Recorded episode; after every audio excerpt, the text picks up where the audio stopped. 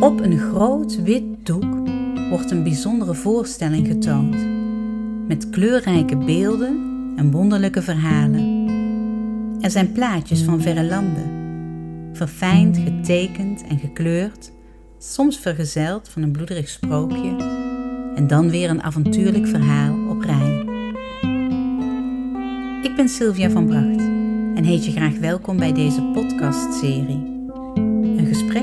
Toverlantaarn, waarin ik de dromen en verhalen van kinderen en jongeren probeer te vangen in een gesprek.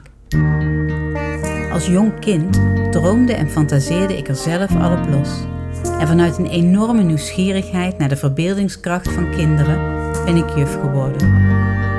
Inmiddels werk ik al ruim 15 jaar met kinderen en jongvolwassenen en weet ik hoe boeiend hun fantasieverhalen en dromen kunnen zijn.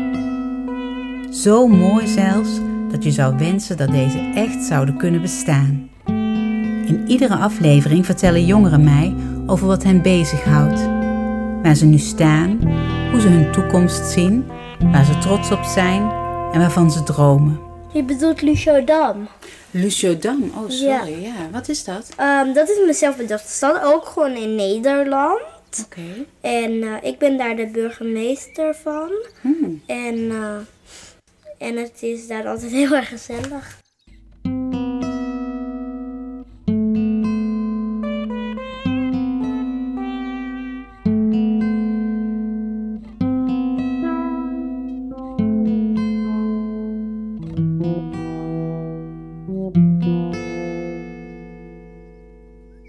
Mensen mogen daar werken. Ja, Ze hoeven het niet. ja.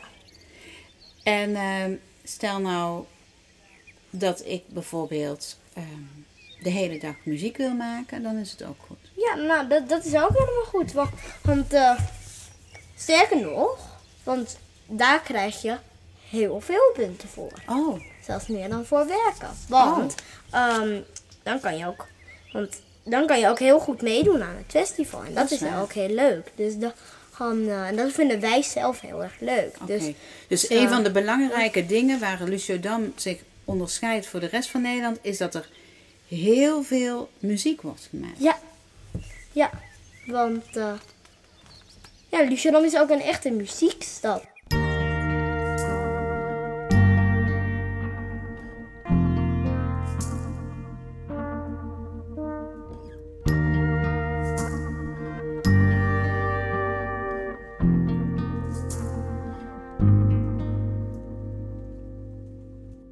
En ik ben vorig jaar van VWO 4 naar HAVO 4 gezakt, helaas. Maar eh, wel beter. Want ik ben gewoon niet echt een, eh, een leertype. Ik vind het gewoon leuk om meer dingen buiten te zijn, met mensen te zijn. En eh, ja, dat is eigenlijk een beetje de, de voorste. Ja, Ja, hoe je... Hoe je mijn introductie. Ja, ja. precies. Hey, en je bent 17. Ja. Je zegt je woont op kamers met je broer. Ja. Ik vind je jong. Zeker.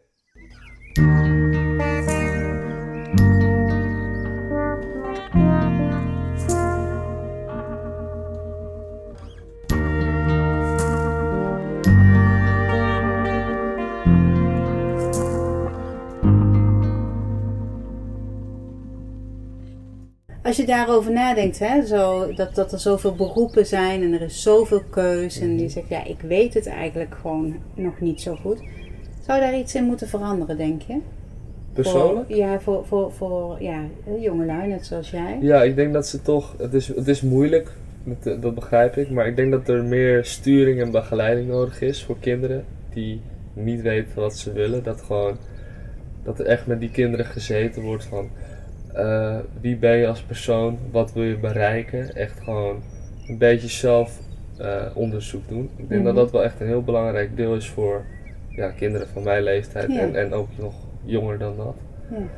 Maar dat wordt, naar mijn gevoel, ontbreekt dat nu wel een beetje bij scholen vooral en in families ook. Het is altijd maar een beetje op eigen voeten staan en zoek maar uit, ontdek de wereld. Nou, op zich is dat geen verkeerde mindset, maar Nee. om daar bepaalde sturing in te hebben is altijd wel, eh, wel prettig voor mensen. Ja. En ja, je moet een- echt een persoon uit zichzelf laten denken. Dus niet iets opbrengen, niet zeggen van ik vind dat jij dit moet worden. Nee, laat hem zelf wel zijn gang gaat, maar begeleid hem daarin. Ja. En ja, ehm, Zouden kinderen dan op scholen wat meer al praktisch daar kennis Ja, mee moeten maken? ja, ik denk dat je? er ook mm, misschien, naar mijn mening lijkt het me gewoon fijn om een vak te hebben of een bepaald uur in de week waar je dan toch wel een beetje daarmee bezig bent. Zelfonderzoek gewoon, want dat moet gewoon heel serieus genomen worden. Dat is echt belangrijk voor de toekomst, Ja. naar, mij, eh, naar mijn idee.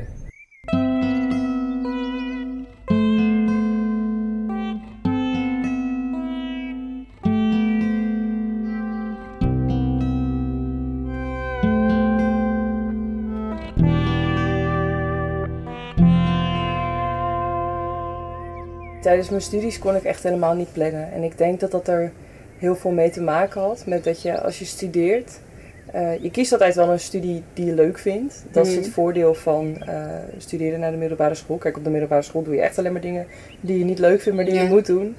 Dan ga je iets meer doen wat je leuk vindt, maar toch ook wel weer. eh, er komen altijd heel veel vakken bij kijken die je niet leuk vindt. Je moet toch altijd weer dingen doen die je niet leuk vindt. En als je dan aan het werk gaat eh, en zoals ik dingen kunt combineren, dan ga je echt de dingen uitkiezen die je echt heel leuk vindt. En dat maakt plannen gewoon veel makkelijker. Ja. Omdat het leuk is om je week in te vullen.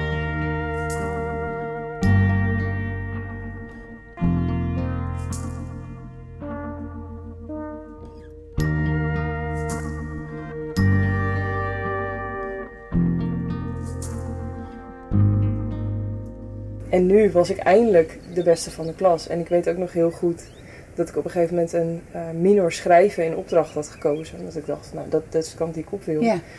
En toen zei mijn docent tijdens de eerste les van, ja, je hebt de verkeerde minor gekozen. Want we gaan je niks leren, weet je. Je, je kent alles al. Hmm. En toen ging ik naar huis en toen voelde ik me heel, voelde ik me heel naar of zo. En toen had ik haar gemaild van, joh, eh, ik wil even met u praten. Want ik wil dat u ook snapt waarom ik deze minor heb gekozen. Zelfs met de weet dat ik dit eigenlijk al heel goed kan. En toen had ik een afspraak met haar gemaakt. En toen heb ik er gewoon uitgelegd dat ik al mijn hele leven eh, het gevoel heb dat ik ondermaats presteer. Ah. En ik wil nu gewoon een keer eh, presteren en laten zien en, en ook de erkenning krijgen dat ik iets echt daadwerkelijk goed kan. En ik weet ook zeker dat er echt nog wel altijd wat te leren valt. Want ik heb tijdens die minor ook echt wel handvaten gekregen die ik daarvoor niet had. Maar het was ook wel een keertje lekker om gewoon iets te doen en eh, waarvan ik gewoon wist dat ik er goed in was. En, en, en een toets niet uit te lopen met buikpijn omdat ik bang was dat ik een onvoldoende ging krijgen.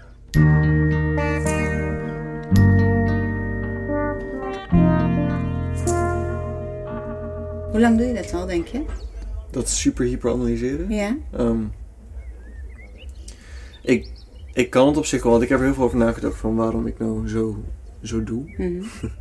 Maar ik kan het een soort van voor mezelf neerzetten op één specifiek moment dat ik heel bewust werd van het feit dat van de aanwezigheid van iemand. Of van mezelf. En of Mhm. dat te veel is of, of het niet te veel is. En dat kwam een soort van. Ik ik had een vriendinnetje Mhm. toen ik 14 was. En daar eh, had ik iets van twee maanden mee. En het was een soort van zo'n kwarrel, brugkrosser liefdetje. Dus. Niet dat er heel veel interessants gebeurde, maar voor mij was het toen heel erg dramatisch. Ik denk dat eerste liefdes altijd eh, diepe indruk Het- maken. ja, ja, het is natuurlijk een beetje hoe je het leert. En, eh, dus het was super dramatisch voor mij wat er allemaal gebeurde. Maar, Ja. maar toen was het op een gegeven moment uit. Eh, en toen zei een vriend van mij, waar ik nog steeds wel heel goede vrienden mee ben, die zei tegen mij van...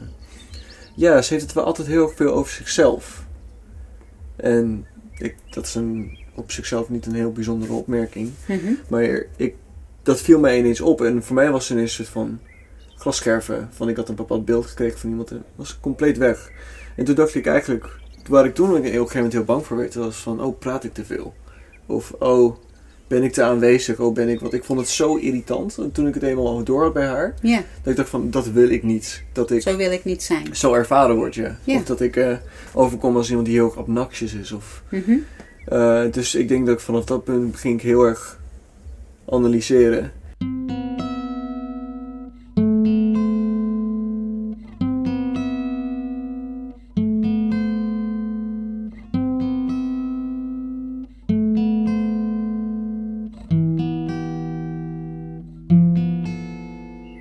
Had er iets anders kunnen moeten zijn wat jou betreft? Nee, nee, nee. Ik vind Dit is het gewoon goed jouw zoektocht. Ja, zeker. Ehm, En dat, eh, dat ligt vooral soms bij mij met muziek ook, want ik denk soms van, oh, waarom ben ik niet eerder begonnen? Want Mm. Ik heb wel veel Ik had wel af en toe gitaar gespeeld toen ik jong was en ik heb een beetje drumles gezeten hier en daar. Ja. Maar ik begon pas echt met muziek maken toen ik 16 was. Maar ik ben daar eigenlijk wel een soort van mee in akkoord gekomen. En ik dacht van, ja, nou, ik vind het fijn dat ik ben begonnen. Deze podcast wordt geproduceerd door Le Berger Besquinoir. Muziekproductie, techniek, design en ontwerp worden verzorgd door Edwin de Herder. De eindredactie is in handen van mij, Sylvia van Bracht. Wil je meer weten, reageren of zelf in gesprek? Kijk dan op Facebook op Een gesprek bij de Toverlantaarn.